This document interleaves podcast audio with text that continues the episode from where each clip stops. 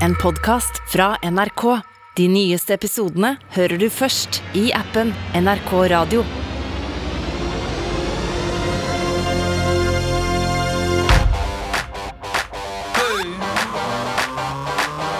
Popkorn over politikk med Sean Henrik Matheson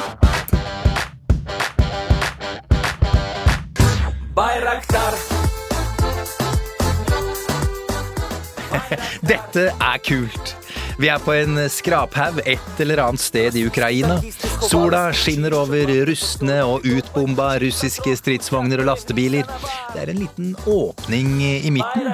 Der står det åtte ukrainske soldater med taktisk utstyr. De er tungt bevæpnet. En av dem er også bevæpnet med en stor kontrabass. En annen med en fiolin. En står der med trekkspillet sitt. De smiler lurt og litt stolt mens de beveger seg til musikken. Ja, på samme måte som du får lyst til å gjøre nå. Det er en musikkvideo. De gjør seg til. De har det gøy. Innimellom ser vi bilder av en drone som slipper missiler på russiske mål. Vi ser en russer som sykler rett inn i et tre og faller. Et tullete bilde av Putin. Tilbake på skraphaugen peker de på en av stridsvognene og smiler fårete. Hele tiden beveger de seg til rytmen. Du hører at de synger Bayraktar. Bayraktar Det er navnet på de tyrkiske produsentene av dronen TB2, og denne låta er en hyllest til denne dronen. De synger også at russiske soldater blir til spøkelser, alt med et smil om munnen. Ja, det er brutalt, men sett dette i kontekst med de siste 100 dagene, så blir det forståelig, og tør jeg si, ganske kult. Denne videoen fikk meg til å tenke på dette. Gud! This is not a test. This is rock and roll. Time to rock it from the Delta to the DMZ. Is that me or does that sound like an Elvis Presley movie? Viva Da Nang. Oh, Viva Da Nang. Da Nang, da Nang. For oss som husker denne filmen med Robin Williams i hovedrollen, så gjorde den enormt inntrykk. Oh my God, it's early. Speaking of early, Denne radio-DJ-en som havna i? Vietnam i 1965 for å spille musikk for de amerikanske soldatene. En annen tid, men krig er krig.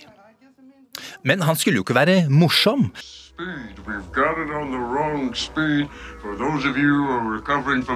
Han skulle jo ikke spille The Beach Boys eller James Brown. Nei, han skulle spille ordentlig musikk.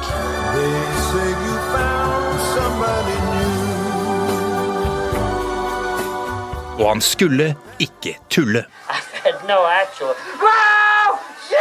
Han skulle lese ordentlige nyheter. Sensurerte nyheter. One thing that didn't officially happen was a bomb didn't officially explode at 1430 hours, unofficially destroying Jimmy Waz Cafe. Get him out of there. Three men were unofficially wounded. Men det klarte han ikke som det hørte, og etter hvert så ble han sendt hjem igjen til USA. Det er mye mer til historien i Good Morning Vietnam fra 1987. Jeg foreslår at du går på videobutikken og lærer deg en moviebox og ser den.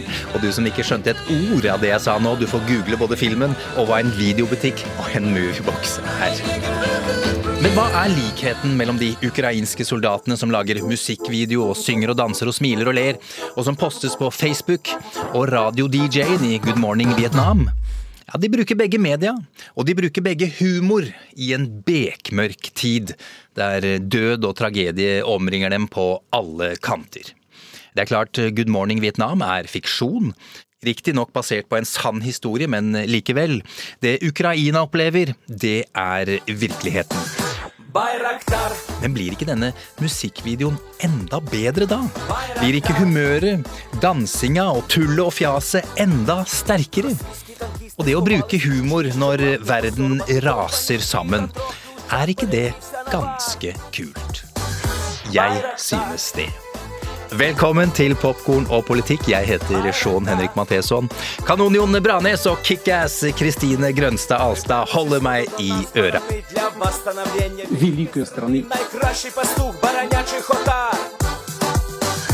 Байрактар. Байрактар. Байрактар. Popkorn og politikk. Roger Severin Bruland, velkommen tilbake til Popkorn og politikk. Tusen takk for det. Ja, Det er kjempehyggelig at du er, er med oss. Altså, du, hva er det som skjer bak deg nå, Roger? Nå er det vel en sånn tysk eh, politibil, sånn Olsenbanden-bil, som fyker forbi. Her er jo Hvor er det du er hen, egentlig?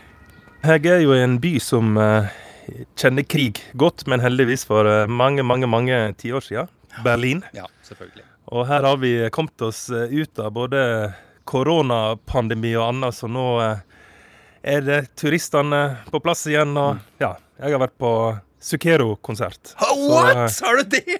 Holder han på ennå?! Sensor Donna, den oh. dør aldri. Den dør aldri, den Fikk det med T-skjorte. Oh, du gjorde det! Fader, altså. Hva solo, eller hva holdt han på med? Han varmer opp for eh, Eric Clapton, som eh, nettopp har hatt korona. Som eh, kom i ei diger boblejakke og frøs litt. Men I shot the sheriff, I shot the sheriff. Det var rock'n'roll fra fy A til Å. Å, det høres ut som du trives i Berlin, og at du syns det er godt å være hjemme, Roger. Ja, altså jeg ble jo korrespondent eh, med en gang den pandemien slo til, så jeg har jo ikke opplevd Berlin. Jo, det, det er helt vilt. Jeg har jo opplevd Berlin som ingen andre, på en måte. Og nå ser jeg jo egentlig hva denne byen har å tilby. og Det er jo en fantastisk eh, europeisk eh, metropol eh, så, som er veldig populær blant mange nordmenn, og det skjønner jeg godt. Hva syns du om, når vi snakker om Olsenbanden, Roger, hva syns du om Jon Carew som Benny? Jeg har ramla litt av, jeg. Det er stort sett eh, på TV 2 i jula når jeg er hos eh, svigerforeldrene mine. Jeg skjønner hva du mener. Jeg, jeg, Da, mener, da går Olsenbanen på heavy rotation. jeg prøver å gi det et forsøk, jeg, men jeg blir alltid litt skuffa. Fader, det var mye morsommere da jeg var mindre. Nå mener jeg ikke å ødelegge sendinga her, men eh, ja, Ja, Det er litt sånn med Olsenbanen. Og Ja. James Bond-film at det er ikke det samme når du blir voksen. Det er ikke det. Men du, Roger. Eh, vi har jo bestemt oss eh, ja, for å feire skal vi si, det positive i Ukraina i dag, som kanskje er litt eh, rart. Men, eller vi skal i hvert fall lete litt og se hva vi finner. Eh, og som jeg sa, og det mener jeg, vi mener at ukrainerne er de kule folka. Hva mener du til det? Hva sier du til det, Roger? Ja, de har jo lykkes med å nå ut til de mest kresne hipstere over hele verden. Så de har absolutt lykkes med sin mediestrategi. Ja, det må jeg si. I midten av mars eh, da fortalte du om hvordan det er å være krigskorrespondent. Jeg kommer aldri til å glemme hvordan det var nede i, i bomberommene i Lviv, eh, Roger. Eh, Både det som i utgangspunktet var et skrekkabinett, men også det under det der flotte hotellet du bodde på, der gjestene drakk vin og, og tulla og tøysa med hverandre. Det som vi ikke må glemme, er jo den her kvalmen og liklukta. Pulveriserte byer, tortur, deportasjon. Jeg vet det. Unge soldater som blir drept hver dag. Kirkegårdene som vokser. Altså, vi snakker jo om en uh, Utøya-massakre hver dag i Ukraina. Ja. Så hvordan holder du motet oppe? Mm. Hvordan uh, finner du en medisin mot den angsten? Mm. og Ukrainerne de gjør jo det de kan. ikke sant? Det Mm. er T-skjorte og frimerker med slagord og TikTok-videoer, soldater som danser. altså Det er en veldig effektiv måte å bruke humor for å både styrke sin egen moral og på en måte latterliggjøre fienden sin propaganda. Og jeg merker jo bare sjøl når jeg er i Ukraina og du bare jobber bare med elendighet hver dag, og bare se et eller annet morsomt på sosiale medium. Det bare gir deg en sånn liten pustepause. At eh, myndighetene sier dette her kommer til å gå bra. Vi uh, kjemper imot, og vi står på. Og det har jo blitt en uh, hel moteindustri. Hvis du reiser rundt i eh, hvilken som helst storby i Ukraina, så er det jo klesmerker som eh, lager sånne artige hettegensere da, basert på disse mytene. Da. Mm. Ghost of Kiev og, og alt det her. ikke sant? Eh, Den her Slangeøya-historien. Alt det her. Så Det tror jeg er veldig viktig for folk som bor i Ukraina. Og så er det veldig viktig for et slags verdenspublikum som ser på og, og ser at ja, det her er de gode da, i denne mm. krigen. De som kjemper for å forsvare sitt land og sitt folk. Og, Og de gjør det også med stil. Mm. All, det var på en måte Oppsummerte du alt vi skal snakke om eh, i, noen setninger? eh, og nå skal vi gå løs på, løs på det punktvis, hadde jeg nær sagt, eh, Roger. Men som du var veldig tydelig på, eh, og som du beskrev eh, grusomt og godt, det er jo at krig er et helvete. Og det har vi jo nok en gang fått bekrefta de siste drøye tre månedene. I ganske nøyaktig 100 dager så har jo den vart nå. Men, men, men Roger, det at vi tenker på ukrainerne som de kule folka, det er jo ikke så rart i utgangspunktet, kanskje. Det er jo tross alt et land som, og et folk som, som helt meningsløst har blitt invadert av en eh, eh, stormannsgal diktator som, som drømmer om gammel eh, storhet. Men eh, allikevel, hvordan har de fått det til? Ja, det er et eh, kjempegodt spørsmål. For det at eh, alle trodde jo at hvis det ble en sånn krig i Ukraina, så ville russiske styrker ta strømmen, ta internett og bare legge landet mørkt. Mm. Og gjøre masse grusomme overgrep, mens eh, landet var i et mørke eller avsperra fra resten av Europa. Mm. Så de har brukt masse ressurser på å holde internett og lyset på, Mm. slik at en kan eh, sende ut rapporter. Alle som bor i Ukraina, kan sende ut og kommunisere med verden. Mm. Vi, eh, dette er vårt land. Vi forsvarer oss. Mm. Vi tar traktoren og stjeler et par uh, stridsvogner. Vi uh, Altså Det er veldig gøy med de mimene med de traktorene. Og når de liksom tauer den der båten, eller den krigsskipet, så er jo det til å daue, liksom. Ja, og nå får du jo massevis av sånn T-skjorter med det her eh, flaggskipet Moskva, da, som mm. er på vei ned i Svartehavet. Til og med sånne Jeg så sånne ølglass med der det var etsa inn bilder av synkende eh, krigsskip. Altså, det, det er overalt. Ja. Og eh, altså, vi må jo bare innrømme, det er jo litt kult, da. Altså, En kunne jo håndtert det på en eh, helt annen måte. Mm. Du har jo eh, en eller annen designer som eh, har flykta til Europa, som lager sånne T-skjorter som står 'Sankt Javelin'. Mm. Altså disse her digre antitankevåpna Ja, som de har fått med USA, som, ja, ja, som du kan skyte i vinkel med, og som tar ut en eh, T80 uten problem. Og så har han laga en sånn T-skjorte der står det som den nye helgenen, Sankt, eh, Sankt Javelin. Og, og eh, regjeringa i Kiev har jo alle blitt avfotografert med sånne T-skjorter. Ja. Og bare å gjøre det, ikke sant. Det der at de kler seg i den her som har blitt en ny mote, disse her ukrainske militærklær. Sånn grønne fleecejakker og militærbukser. ikke sant? De går ikke rundt i stiv dress og slips.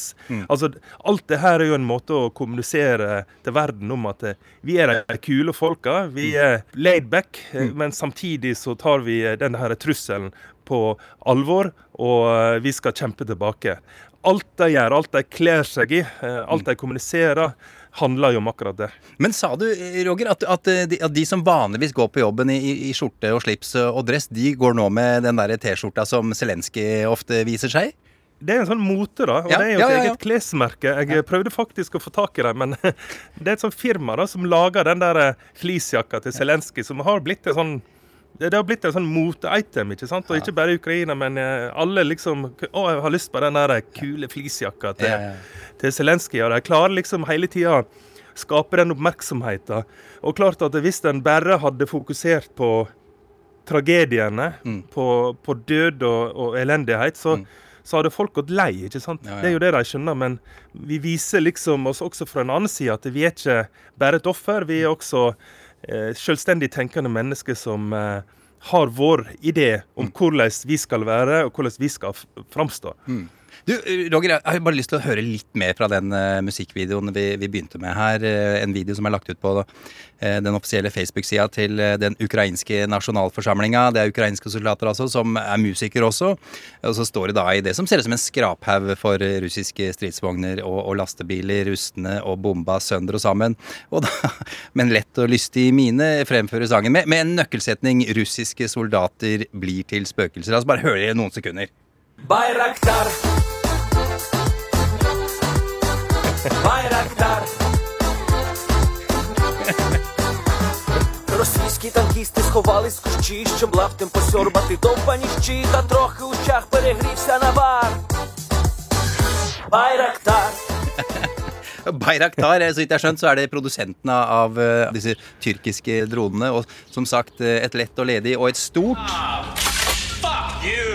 til Russland, ikke sant det, Roger? Ja, og Hvis vi tar det litt videre, da, så hadde de i Estland en innsamlingsaksjon der jeg tror de klarte å samle inn eh, en enorm pengesum Ja. for å kjøpe en sånn Bayraktar-drone i Tyrkia. Ja. Og det endte jo opp med at det firmaet faktisk eh, donerte en sånn drone Er det sant? til Ukraina. Og så kunne de eh, pengene da gå til ammunisjon til eh, dronen. Så ja, vi kan eh, le av en eh, sånn YouTube-video, men det er klart at eh, Våpenindustrien ser jo på det her, og de får jo masse gratis eh, reklame, ikke sant. Eh, det, det er jo det her uttrykket i våpenindustrien her, 'combat tested', ikke sant. Ja. Og her har jo Altså hva land i verden er det nå som ikke vil ha disse her tyrkiske eh, dronene? ikke sant? Så de spiller jo selvfølgelig med, og så sier OK, nå skal dere få en, eh, en drone med oss. Og da elsker jo plutselig alle i Ukraina alle i Tyrkia. og Så klart at eh, vi kan le litt av det, men det får eh, konsekvenser. Det får eh, resultat. resultat. Ja, ja, ja. Jeg tror de tyrkiske brødrene har skjønt, er rimelig happy for det som, som, som lager disse dronene, er ganske fornøyde med det som skjer. Er det litt rart at vi ler av det, eller synes det er kult, som jeg har sagt i dag? Fader, det er jo tross alt uh, unge russiske gutter og menn så, som blir drept av disse dronene. Ja, men eh, hvis en jobber med masse eh, tragedier Jeg kjenner en del folk som jobber på det Auschwitz-museet i Polen. Mm. Som jobber med presse, med guiding og sånne ting. Og, altså, det er jo ingen som har mer rå humor enn deg. Mm. Og det handler jo ikke om at du ikke bryr deg om Nei. det som har skjedd, eller det som skjer, men du må ha litt humor, for ellers så tror jeg du blir bare helt gal. Ja. Du må liksom kunne le av alvorlige ting. Mm.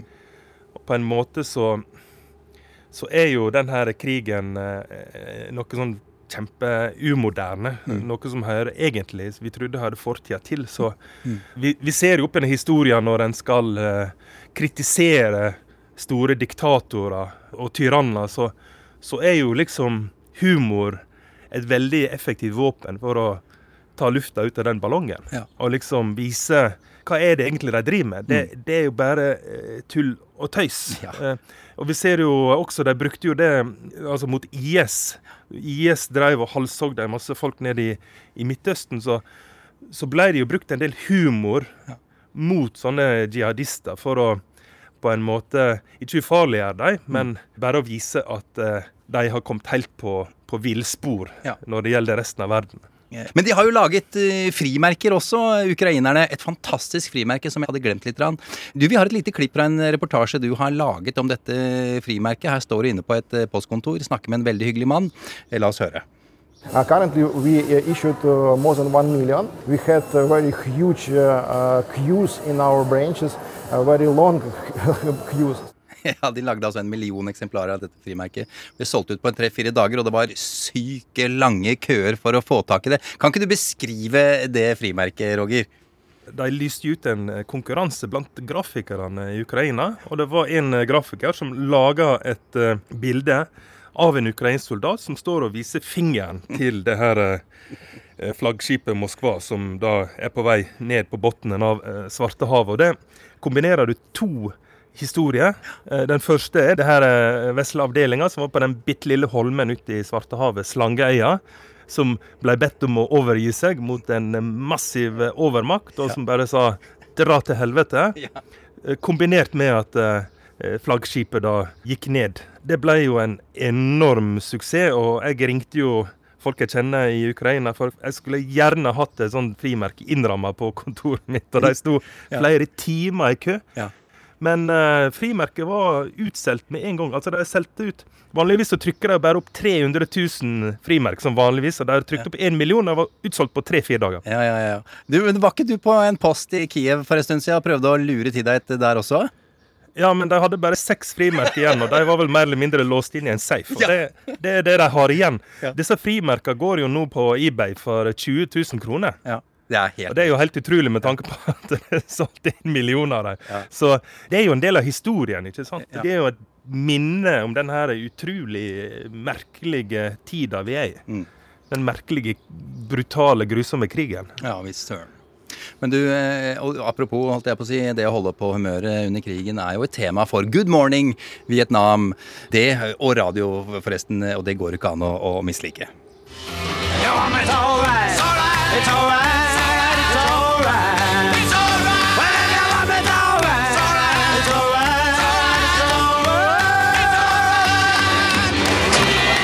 got our friend from military intelligence. Can you tell us what you've found out about the enemy since you've been here? We found out that we can't find them. They're out there, and we're having a major difficulty in finding the enemy. Well, what do you use to look for them? Well, we ask people, are you the enemy? And whoever says yes, we shoot them.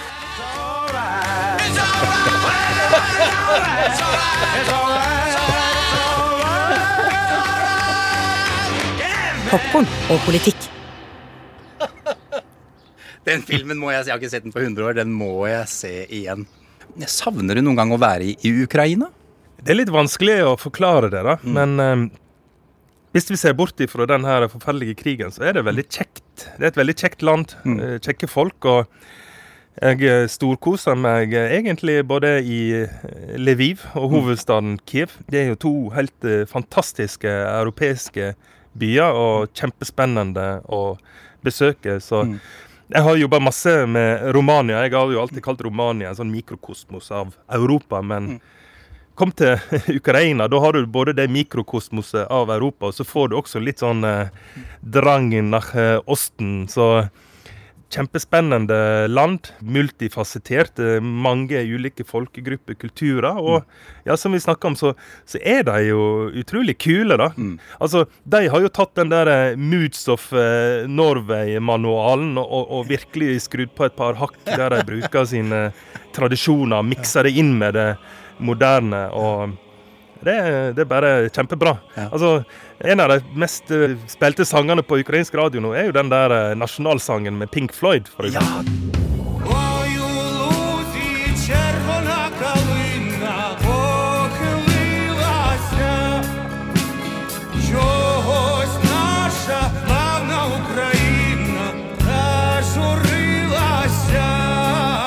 Kjempekult. Ja, det er kjempekult. De Og han som synger den eh, sangen, han er jo eh, rockemusiker. Og han prøvde vi å få tak i, men han jobba som politi i Kiev, og han var opptatt med polititing, slik at uh, han hadde ikke tid å, å, å møte oss. Og, og sammen med disse her uh, Grand Prix-folka som vant uh, Ja. Eurovision Song Contest.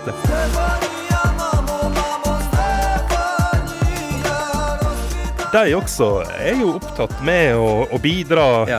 og er soldater eller bidrar på andre, andre måter. Så de som har fått eh, ett unntak da, fra krigen, er jo fotballandslaget. Og de eh, slo ikke de Skottland Jo. nå nettopp? Det Da? var det 3-1 eller et eller annet i, i VM-playoff. Det er jo fantastisk eh, gøy. Yarmolenko, if he could bring this under control, he can, and he scores. Andriy Yarmolenko to goal for Ukraine, and a moment. Tenk hvor viktig det er for Ja. de spillerne nå å vinne hver eneste kamp Mm. når eh, landet er i krig.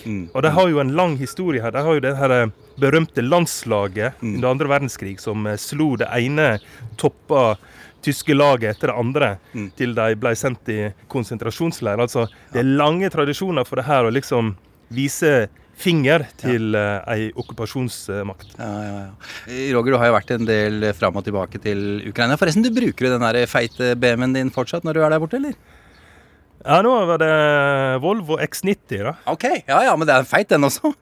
Ja, men eh, det er jo det er jo nesten umulig å få tak i bensin Ja, i. Ukraina. Og det var jo en slags hybrid, men han brukte kanskje litt mye bensin. Så jeg hadde med 40 liter da, på to jerrykanner, og det var bare så vidt det holdt.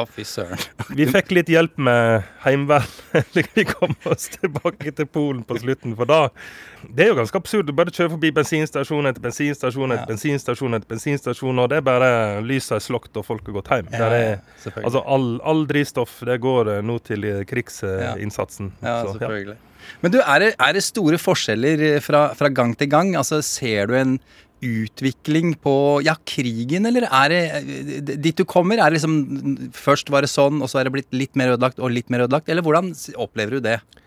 Det var jo et kjempesjokk når um, invasjonen begynte, og, og da var det jo et kaos, og ting skjedde veldig fort. Mm.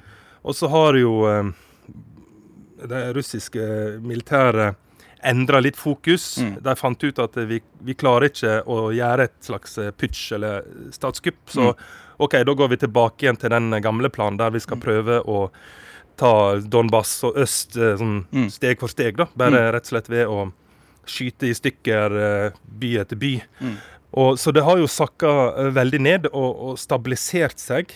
Mm. Men jeg tenker jo på hva gjør dette her med, med vanlige folk, ikke Mm. sant? Altså, jeg var jo der uh, uka før uh, krigen Mm. og, og møtte folk, og så møtte de samme folka igjen når den har begynt. Og jeg ser jo det at de det er, jo, det er jo det som er så vondt Mm. uh, med krig, og jeg forstår det godt når du, du ser jo, du går gjennom gatene i, i hvilken som helst by, så er det folk som snakker på telefon og, og, stå, og griner fordi at uh, de helt sikkert har fått et eller annet dødsbudskap. ikke Mm, sant? De må mm. forberede ei, ei gravferd. Og den begynner å snakke om hevn. Ja.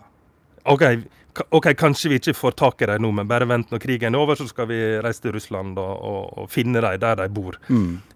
Det syns jeg er litt uhyggelig når jeg snakker med folk som er vanlige fredsseile mennesker vanligvis, og begynner å, å, å, å snakke om sånne ting. Mm. Og jeg var jo en jeg kjenner, da. Han, han hadde jo plutselig vært og kjøpt seg et sånn gevær, da. Ja. Et sånn halvautomatisk eh, gevær som han skulle ha hjemme. og Jeg veit ikke helt. Eh, Jeg sa til han at eh, for det første må du passe på at unger ikke får tak i den børsa der. Og for det andre må du passe på at du ikke skyter deg selv i foten. Og Ja. kanskje det er andre måter du kan bidra på med å hjelpe landet ditt. ikke sant? For Mm. en trenger jo eh, all, all slags hjelp. ikke sant? Altså, bare tenk på brannfolka som skal ut og slokke den brannen etter at rakettene har vært og slått ned. Mm.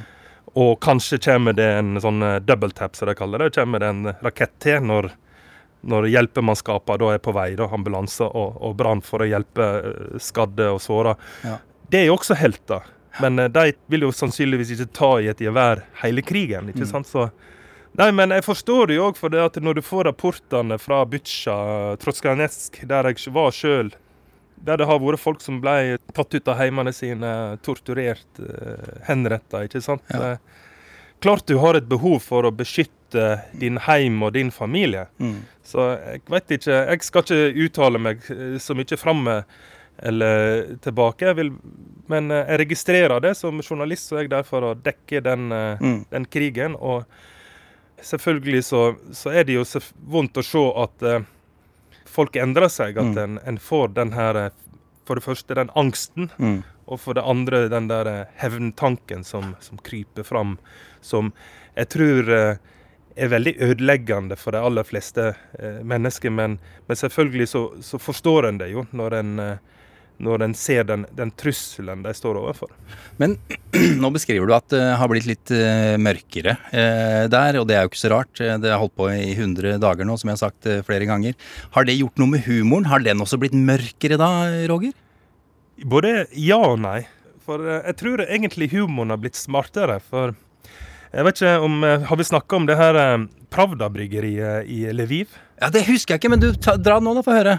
Ja, de, har jo, de lager jo en sånn eh, et par øl eh, der med etikett med Angela Merkel, da, som ble framstilt som han eh, Ribbentrop, han nazi-utenriksministeren. Og Ja. Putin som blir framstilt som en sånn gal djevel med atomvåpen. Mm. Og så, etter krigen, så har jo Putin visst hva han er kapabel over. Og, og, og Tyskland har jo også på en måte blitt litt avslørt på den måten at de kanskje har eh, vært for ettergivende. Da. Det er jo den kritikken som kommer mot tyske politikere, spesielt eh, ja, de, som, de som styrte før. da. Mm.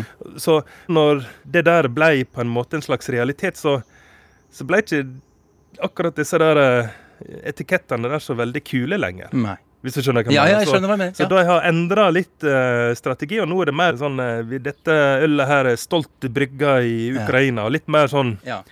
Og én etikett var jo sånn eh, hyllest til han der Sikorsky, da, som ja. berømte helikopterdesigner og sånn. da. Så Ja.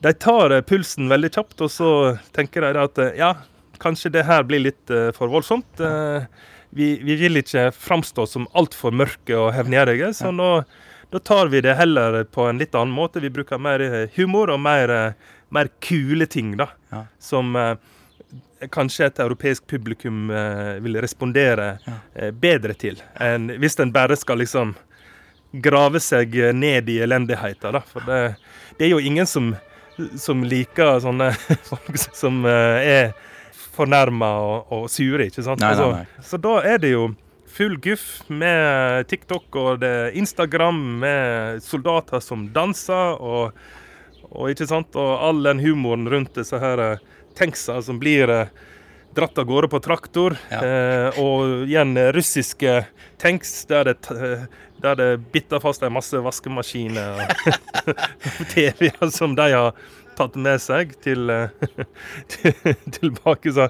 Og da, da, da får du en helt annen respons, ikke sant? ja. Da er du, eh, du er ikke et offer lenger. Du eh, er selvfølgelig underlegen, men du, eh, du står i det, og du kjemper tilbake. og da får du en jeg tror, mye mer respons og interesse. Altså at du Verden henger med, selv om det har gått 100 dager, så, så er hele verden interessert i hvordan det her går. går. Og det er jo kjempeviktig at uh, vi som står på sidelinja, vi følger med på det som skjer, og at vi ikke blir lei av den krigen, og at den går i glemmeboka, for da, da vil jo bare de som har noe å skjule, mm. de som eh, har en, eh, en veldig brutal agenda, det er jo det de vil vinne, på, vinne Ja. når, når lyset går og internett blir skrudd av. Ja, selvfølgelig. Eh, Roger, du fortalte meg om en, en, en Instagram-konto som heter Visit Ukraine. Det er flere av dem, eh, men eh, du som hører på, sjekk ut der. Der ser du veldig mye av det Roger beskriver nå.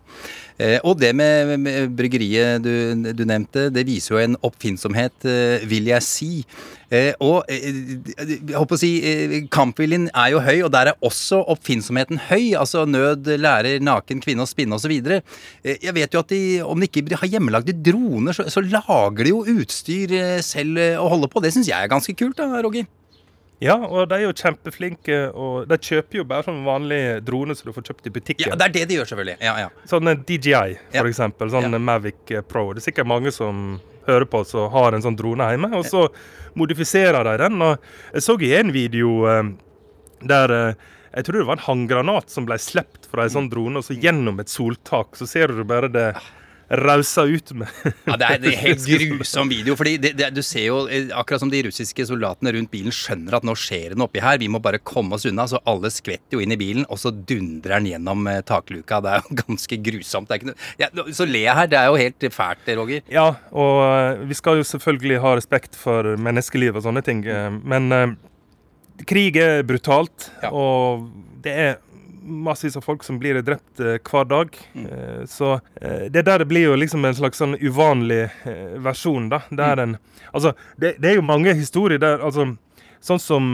Det var jo ei, ei bestemor som delte ut nybaka boller til russiske soldater som hadde inntatt en, en landsby. da. Mm. Og det var jo forgifta, da. Ja, nettopp. Eh, så det, det er liksom massevis av sånne historier. Og det er selvfølgelig, Vi skal ha respekt For, ja. for menneskeliv, og, og, og alle dødsfall er tragiske i denne meningsløse krigen, men samtidig så, så er det jo noe litt sånn ekstra med det òg? Altså, eh, når, du, når du får høre alle disse historiene, ikke sant, Mm. om eh, På en måte så, så er det også en del av, del av det her. og det blir en ganske sånn uh, galgenhumor eh, i Ukraina. Det må vi jo nesten bare respektere, rett og slett fordi at uh, de er jo i en utrolig skremmende og truende situasjon. Ja, jeg, jeg, skjønner hva du mener, altså. Ja, Da, da fortalte du litt om hvordan det der virker på befolkningen i Ukraina, for så vidt. Men hva med oss som står på et trygt kontor her i Oslo for min del, da, og, og titter på det? Hva er det det gjør med meg, tenker du? Du får jo får en veldig sympati eh, med ukrainerne. da. Og fordi at de framstår så eh, menneskelige. Det som ofte er en viktig del av en sånn krig, er jo på en måte å umenneskeliggjøre en eh, fiende Mm. gjennom å bruke sånne trollfabrikker spre eh, løgne halvsannheter. Så eh, viser de liksom at eh, de er sånn som meg og deg. Dette her kunne vært oss. Og um, da får du en helt annen identifikasjon. Og du bryr deg om hvordan vil det gå med disse folka her i denne krigen. Is it true that you've actually um, you're actually too close to some of the nerve agents that they were testing? Nerve gas? Yes. Have you used that? In? Well, once, yes, on myself, and it had no. Wow! Wow! No effect on me. I've had no actual. Wow! Yahoo! Yo, yo, big dogs, big dogs landing on my face. Who let the dogs out? Popkorn og politikk. Også fra Good Morning eh, Vietnam eh, der. Roger, la oss gå til den kuleste katta i byen. Загалом зараз вивезено більше 200 тисяч українських дітей. Er det noen som har vært kulere enn president eh, Zelenskyj, Roger? Nei, når det gjelder statsledere, så er det nok ikke det. Og jeg tenker jo litt på det når jeg var i Kiev. Da vår utenriksminister møtte Zelenskyj, så var jo Trudeau også i byen. Og han har jo liksom vært en eh, kule på verdensarenaen, er ikke vi enige i det? Jo, du sa Trudeau, altså Canadas statsminister, ja? Ja, Justin ja. Trudeau. Ja, ja, ja, eh. Hjerteknuser Jo, vært- og eh, litt sånn Obama-venn. Og. Vakker, og- vakker mann, liksom. eh, Ja. Alle, alle er forelska i han, ikke sant? Um, altså Han eh, bleikna jo litt i forhold til Zelenskyj, da. Ja. For han var jo der samtidig eh, den dagen. Ja. det, han er jo den alle vil møte. Mm. Alle vil ha selfie med Zelenskyj. Mm. Gjennom den krigen her så har han jo blitt en stor, stor eh, politisk stjerne. Mm. Det er jo en og annen kjendis også som slenger Altså Jeg tenker på sånne amerikanske filmstjerner og, og sånne type ting. Og eh, Var ikke Angelina Jolie der? Og Sean Penn har jo vært der. Han skal jo lage en dokumentar, riktignok, så han hadde kanskje en større grunn til å, til å være der enn Angelina Jolie, som Jo, hun er vel med i Unicef eller et eller annet sånt, eh, for all del, altså, men, men eh, folk reiser dit for å er, er det en bra ting? Ja, At kjendiser kommer, eller er det litt sånn der Hva fader er det dere gjør der, liksom? Kom dere hjem, ikke Det handler ikke om deg, dette her, det handler om Ukraina. Det er jo en enorm eh, trafikk nå til Kiev. Alle vil møte Zelenskyj. Og da vår utenriksminister Huitfeldt eh, var der, så var det jo ni eh, statsbesøk den eh, dagen. Mm. Jeg sto sammen med TV 2 og vi sto og, og lurte på ville Zelenskyj plutselig dukke opp på parkeringa der vi sto. Det var en sånn Toyota Land Cruiser med masse sota ruter og sånne skumle livvakter. Så tenkte jeg det må være Zelenskyj sin bil. Eller? så får vi et eh, glimt av han, ikke sant?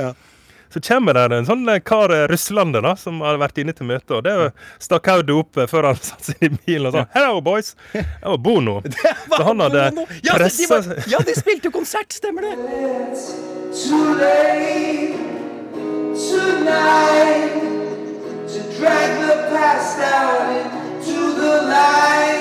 Han har jo pressa seg inn da, mellom disse her eh, ni politikerne. som var der.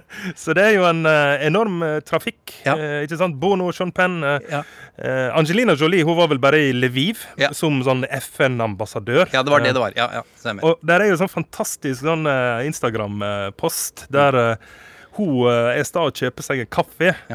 På en sånn kaffebar i, i Lviv. Ja. Og der sitter liksom en sånn ungdom da, midt i målgruppa som bare kan ikke bry seg mindre, bare sitter på telefon. det er herlig. Vi, vi er kulere enn deg, Angelina Julie. Altså, det er jo litt gøy å liksom klare, de klarer å kommunisere fram det her litt sånn krigens absurditeter. da. Gjør det noe med mm, hva skal jeg si, stemninga? Får opp moralen, da, for å si det sånn, i Ukraina? At alle disse kjendisene kommer? Ja, klart det. Ja. Det er jo uh, utrolig viktig at uh, folk eh, bryr seg. For vi må jo huske på at uh, OK, nå er kanskje krigen raser i øst, og så, så kan vi si at ja, men da er det vel relativt fredfullt i vest. ikke sant? Men, men det er jo ikke sånn. For flyalarmen går jo hele tida, og folk er inn og ut av tilfluktsrom. Mm. Og lever med den angsten der, ikke sant. Og da er det jo et eller annet bare med at verden kommer hit Mm. og ser hva som skjer, hører på vitner som kan fortelle om eh, overgrep som har foregått f.eks. i Butsja, to mil utenfor eh, sentrum av mm. Kiev. Mm. At en har eh, eh, solidaritet, ikke sant. Og klart at eh, når og slukkes og folk går og legger seg i Ukraina, så er det jo med klump i halsen Mm. og, Mm. og vondt i magen, ikke sant. Ja. Jeg tror vi ikke klarer å forstille oss helt hvordan det er. Jeg kan, jeg kan forstille meg litt, Mm. men jeg er jo så heldig at jeg kan reise inn dit. Og så når eh, jeg syns at jeg har fått min dose med krig, så kan jeg bare dra tilbake igjen til Berlin. Men de aller fleste iallfall menn mellom 18 og 60, de, Mm. de får ikke lov å forlate landet. De må bli der Ja, ja, og, og, og kjempe. Og, og jeg tror vi ikke kan forstille oss eh, hvor eh, tøft det er. Nei, det, det er, ikke, jeg er ikke i nærheten, selvfølgelig. Og det er de svært få som hører på, eh, som er, tror jeg. Men du, bare litt sånn tilbake til Zelenskyj. Har du møtt ham noen gang, Roger? Eh, nei, Nei, eh, nei. og det, det er helt umulig Ja, å få ja, møtt eh, selvfølgelig er det det. Det er helt Ja. umulig å få møtt uh, Zelenskyj. Han eh, har av og til pressekonferanser eh, nede i eh, undergrunnsbanen, men det er jo diger målskive på han. Så Han kan jo liksom ikke si at i morgen klokka tre så skal jeg ha pressekonferanse. ikke sant? Mm. Og, og han er, er jo fullt opptatt med å ta imot eh, statsledere. Ja. Han er fullt opptatt med å få inn pengestøtte og våpenhjelp. Så da er det jo liksom Når han var ute og gikk med Boris Johnson, hvis du husker den, ikke sant? Ja. Eh, Det skjer veldig sjelden. Det skjedde vel kanskje bare den gangen der. Mm. Da kanskje du har mulighet til å, å, å stikke bort en, en eh, mikrofon, men ellers så Han, eh, han sitter i, i Fort Knox og er kanskje en av eh, verdens mest eh, påpassa mennesker akkurat nå.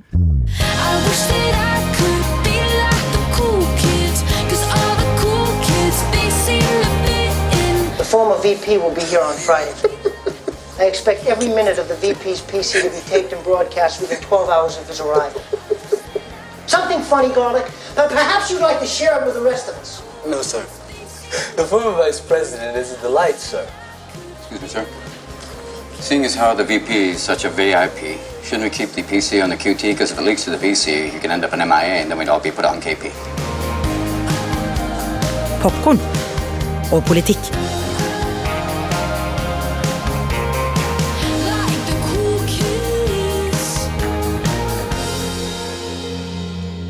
Det har jo blitt snakka i det vide og breie om hvor god han er. Altså Han gjør alt riktig. Fordi ja, han er skuespiller, komiker. ikke sant? Måten han har flagg på siden under talene til parlamenter rundt omkring i verden, eh, skjorta han har på seg, flisen som du snakka om i, i stad, Roger, osv. osv. Jeg har snakka om dette her hundre ganger. Ja, så Han blir jo kalla Europas nye Churchill. Og det er jo ganske interessant. For uh, Vincent Churchill hadde jo en sånn rolle i media som en sånn karismatisk eh, figur som eh, alle mann til pumpen-retorikk, ikke sant? Med sigar og, og konjakk og ikke sant? Det er jo vel en sigarstørrelse som heter Churchill, og hvis du går på en eller annen butikk, så er det jo et eller annet Churchill-style this, og Churchill-style that. ikke sant? Sånn kommer jo til å bli med Zelenskyj òg, ikke sant? Han er hærfører og stor eh, karismatiker og en, en stor trendsetter som eh, klarer å få den oppmerksomheten som eh, han og landet eh, trenger i denne her krigen. Ja. Som sagt, han er jo skuespiller og, og komiker. Eh, Jeg vet ikke om du har sett noe av det han har gjort. I hvert fall, Roger, det er veldig fristende å spille av en sketsj som han laga med teatergruppa si, en pianosketsj. Eh, Vi har spilt av den før, men den er så morsom at vi klinker til igjen. Se for deg et flygel, du ser det forfra. altså med andre ord, Du ser Zelenskyj og en kollega i ansiktet. De står oppreist, de har buksene nede på anklene, armene i været. Og når de spiller, så bøyer de seg opp og ned i knærne. Med andre ord, eh, det er eh, herlig barnslig. De gir inntrykk av at de spiller med penis. Har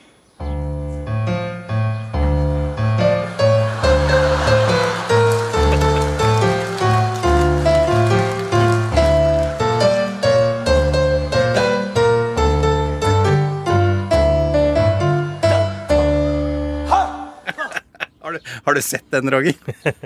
Det er jo det som er så genialt ja. nå, at uh, pga. den krigen her, så har jo Netflix begynt å Jeg vet det. og- Jeg tror det kom på NRK òg, disse her uh, humorseriene. Altså, det, det får jo en uh, ny, ny vår. Jeg veit det. Også, eh, jeg jeg titta litt på den der eh, serien her hvor han jo blir president, som jo er eh, ironisk, hadde jeg nær sagt. Og han er jo en innmari god skuespiller. Han er innmari morsom. Det som er gøy med den sketsjen her, eller noe av det som er gøy med den sketsjen vi akkurat hørte, er at de følger så innmari godt med på notene. det er veldig, veldig tullete og veldig, veldig morsomt. Eh, han har vel ikke brukt så mye humor foreløpig, eh, Zelenskyj, nå etter, etter krigen. Men jeg, jeg antar at alvoret han eh, forholder seg til, eh, gjør vel at ukrainerne fatter mot, vil jeg tro. Ja, men det er jo et eller annet når uh, krise oppstår, da. Og det at han klarer liksom å gripe øyeblikket. Og så er det jo, det er jo Vi må jo si det er jo veldig spesielt hvordan, eh, hvordan livet imiterer kunsten, hvis du skjønner hva jeg mener. da. Ja, det gjør jeg At den serien kom først, og så ble han president, Mm. og nå har han eh, blitt også en, eh, en hærfører, en sånn commander in, in chief. Det er jo helt utrolig, og en må jo bare begynne å reflektere litt på min egen korrespondentperiode her i Berlin, som begynte med pandemi, og så glir vi over i den største krigen vi har sett i Europa siden andre verdenskrig, og så hva blir det neste, liksom? Men uh, vi lever i veldig, veldig uh, det, det er vel en sånn floskel som heter 'vi lever i ei brytningstid'. Mm. Og da vil jo også kunsten blomstre. Ja, ja, ja visst søren. Krigen har beveget seg, eller i hvert fall de russiske styrkene har bevega seg østover. Jeg så en innmari fin oversikt i, New York Times, eh, faktisk, eh, over hvor russerne står nå. En veldig enkel grafisk fremstilling. Et hvitt kart over Ukraina med, med røde prikker som viser russerne. I mars var det røde prikker fra omtrent midten av Ukraina i nord. Og så gikk de en halvsirkel mot øst, og så svingte de til sør, en halvmåne på et vis. I april var det bare noen få prikker i, i, i nord og sør, og i mai så var det bare noen prikker i øst. Altså som du sa, Donensk eh, og Luhansk og, og der. Det er jo veldig gode nyheter. Eh, men på den annen side så sier du eh, at selv om krigen ikke er akkurat der den var, så, så lever de jo under vanskelige omstendigheter. Samtidig så har vi lest at dagliglivet da, er i ferd med å vende tilbake til Kiev. Hva betyr det i praksis? Det er jo det at disse her fortauskafeene åpner igjen. eh, folk eh, beveger seg i gatene, ikke sant. Der er, der er det dagligliv. Mm. Så går det jo flyalarmen, da, og så må du ned i tilfluktsrom. Men Mm. eh, der er en normalitet. Mm. Det er jo kjempeviktig. Og det at de aller hardeste kamphandlingene har eh, forsvunnet fra Kiev, Mm. eh, har jo selvfølgelig en effekt. Men jeg husker jo jeg sto og skulle rapportere direkte i Dagsrevyen den 9. mai, Mm. da Russland skulle markere slutten på andre verdenskrig. og Mm. Det var jo masse rykter, ikke sant, hva kommer til å skje nå. Eh, En tørde nesten ikke å si det, da, men det ble liksom kviskra litt eh, i gangene at eh, ja, kanskje det er nå de skal skyte taktisk atomvåpen over Kiev, ikke sant. Mm. For det har de trua masse med på russisk eh, fjernsyn. Og så står du der, da, og det, klokka er fem på sju norsk tid. Du skal inn i, i Dagsrevyen og rapportere direkte, og så står du ned på Maidan, og så går jo den der flyalarmen, da. Ja. Å, fy fader. Åh. det, det er jo ikke noe særlig uh, gøy. Og så er det litt sånn Ja, skal vi eh, skal vi gå ned i metroen, da? Skal vi stå der? Er det noe vits i, liksom? Ja, ja, nettopp. Ja. ja. Det er noe poeng. Skal vi bare stå her? Nei, vi, vi får bare stå. Vi får bare stå i det. Og når du nevner også at eh, ambisjonene kanskje ser ut til å ha blitt litt mindre, så er, det jo, er jo hele landet trua, ikke sant? Du har en hovedinnsats, da, som det heter på militærspråket, Mm. i Donetsk. En skal prøve å ta denne byen. og har kanskje tatt den nå, den er Mm. ikke sant? mm. Sånn kvern som maler seg videre enormt harde kamper som vi ikke kan forestille oss. Men så ser vi at ja, de klarer å, å slå litt tilbake nord for uh, Kharkiv. Mm. Den andre største byen. Men samtidig så detter det jo inn raketter og artilleri der fortsatt. Men der også kan en liksom begynne å komme ut av eh, metroen og, og kanskje et slags eh, dagligliv. Og så kommer vi litt lenger vest, Sumi-provinsen, der de også gikk inn til Kiev østfra. Mm. Eh, Der også skjer det jo masse ting på, på grensa, ikke Mm. sant? Mm. Mm. Og så har du jo hele den der grensa i vest eh, mot Hviterussland, eller Belarus, beklager, Belarus Ja, som det det- nå heter. Der, det- ja. der Lukasjenko rasler med sabelen, ikke sant? Og, og der du, du binder opp uh, ukrainske styrker der fordi at de må ha et forsvar. Uh, selv om kanskje ikke Hviterussland er en så stor militær trussel, så, Mm. så har ikke de råd til å ikke passe på den grensa òg. Så hele landet er i krig. Du må nesten ned til den ungarske delen, da, ned mot grensa til Ungarn, der en ikke har opplevd eh, knapt et eh, rakettangrep, ikke sant. Men resten av landet, de, de er i høyeste beredskap, og de, de kjemper en, eh, en brut- brutal, brutal eh, krig der det blir drept eh, masse, masse soldater og sivile hver dag. Ja, det er flere ganger vi har hatt inn alvoret her i dag, Roger. Men det er greit at vi på et slags vis oppsummerer med det. At vi ikke må glemme at det er, det er krig. 100 dager med krig har passert. Men vi har jo tross alt da, du og jeg, konsentrert oss om, om lysene i, i mørket i dag. Eh, hvis du skulle se litt i, i spåkula di, nå får du et eh, ledende spørsmål som egentlig ikke er lov, men, eh, men fuck it. Roger, ser du noe mer lys i fremtiden? Jeg må jo alltid ha håp Ja. om at uh, dette her vil uh, ende bra. Mm. Og at um, de 7-8 millionene ukrainere som har flykta fra landet, kan flytte hjem igjen. Mm. Og at uh, de får hjelp til å bygge opp igjen eh, heimene sine. Mm. Det er jo det er jo ganske hjerteskjærende. Det er jo mange som kommer tilbake igjen til Kiev-området fordi at eh, det, det har blitt trygt igjen. Og du kommer tilbake, og huset er vekk. Det er Mm. bare sprengt, sprengt i lufta. Det er ikke, det er ikke en, et støvkorn igjen av det, liksom. Mm. Og eh, det er jo trist og tragisk. Jeg husker jeg laga en reportasje bare for å eh, litt, litt det her med håpet, da. Vise den her eh, kraften, da. Det var jo en sånn diger bilkirkegård der eh, massevis av biler var skutt sønder og sammen. Du, du kan ikke tenke deg, altså. Det var ikke bare skutt på med vanlig håndvåpen der. altså. Det var digre hull i siden på bilene. og Vi kan jo bare tenke oss hva som har skjedd med de folka som satt inni der. Mm. Det var rydda opp på en parkeringsplass, og så kom der en kar da fra Sumi som eh, i en eh, gammel sånn øst, østblokkbil, da, sånn stasjonsvogn.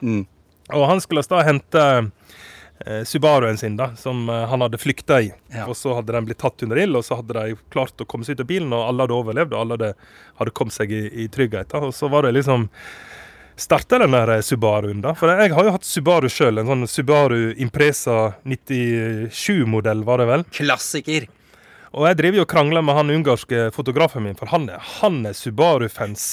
og han mener Subaru er verdens beste bil, og han elsker han eh, Hva heter han? Solberg, han er rallysjåføren. Ja, ja, ja, ja, var, han har Subaru med spoiler, og han har Subaru stasjonsvogn. Og altså, det er bare, han lever ånder for Subaru. Da. Så var det snakk om at eh, Får start på bilen, ja, så var det eh, noen som hadde knabba bilbatteriet. da, Så han var og henta bilbatteri i den eh, stasjonsvogna, og så satte han inni, og så vrei om nøkkelen. Og da hadde vi et ordentlig sånn toppgirøyeblikk. Husker du når toppgir skulle prøve å få start på den der Toyota Land Cruiseren, som de satte opp et sånn digert ja. høghus som ble sprengt eh, i lufta? De hadde vel brukt hele fram eh, Ja, ja, ja. ja. Right, is this it? Right, this is it. I'm going to give it a go.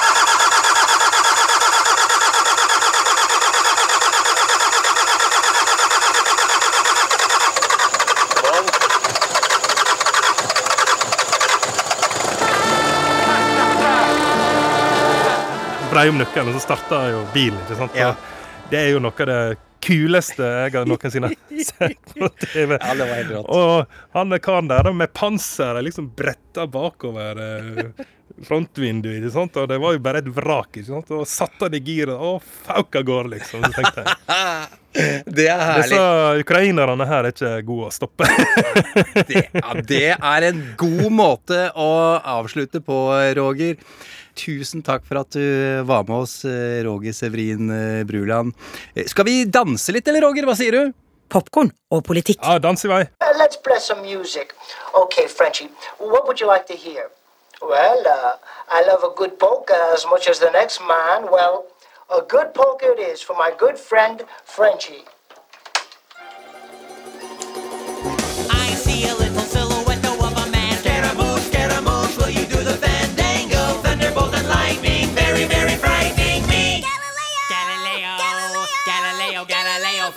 Magnifico! Hey, hey, hey! Nothing really matters. Nothing matters. Nothing matters. Nothing matters. Anyway, the wind, anyway, the wind, anyway, the wind blows. Hey! I think some apologies are in order. Nok en herlig scene der fra Good Morning eh, Vietnam. Den skal jeg se igjen, det er helt eh, sikkert. Eh, Jeg tror ikke jeg klarer å oppsummere det vi har snakka om eh, noe særlig bedre enn det mm, Roger i grunnen gjorde på, på slutten av eh, samtalen vår. så jeg lar det være. Og hiver meg heller på. Når det er bekmørkt, så må vi holde på humoren, og vi må holde på håpet. Ja, og hvorfor ikke holde på den eh, røde tråden vår også, til eh, siste slutt i dag, og gå ut på samme måte som filmen Good Morning Vietnam. I see trees of green, red roses too. I see them blue for me and you. And I think to myself, what a wonderful world.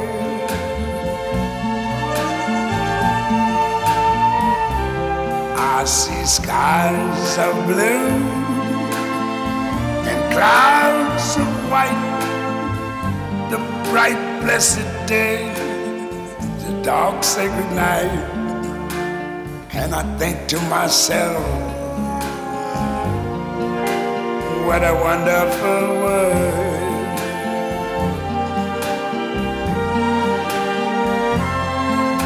The colors of the rainbow, so pretty in the sky, are also on the faces of people going by. I see friends shaking hands, saying, How do you do? They're really saying, I love you. I hear babies cry. Watch them grow. They'll learn much more than I ever knew. And I think to myself, what a wonderful world. Yes, I think to myself, what a wonderful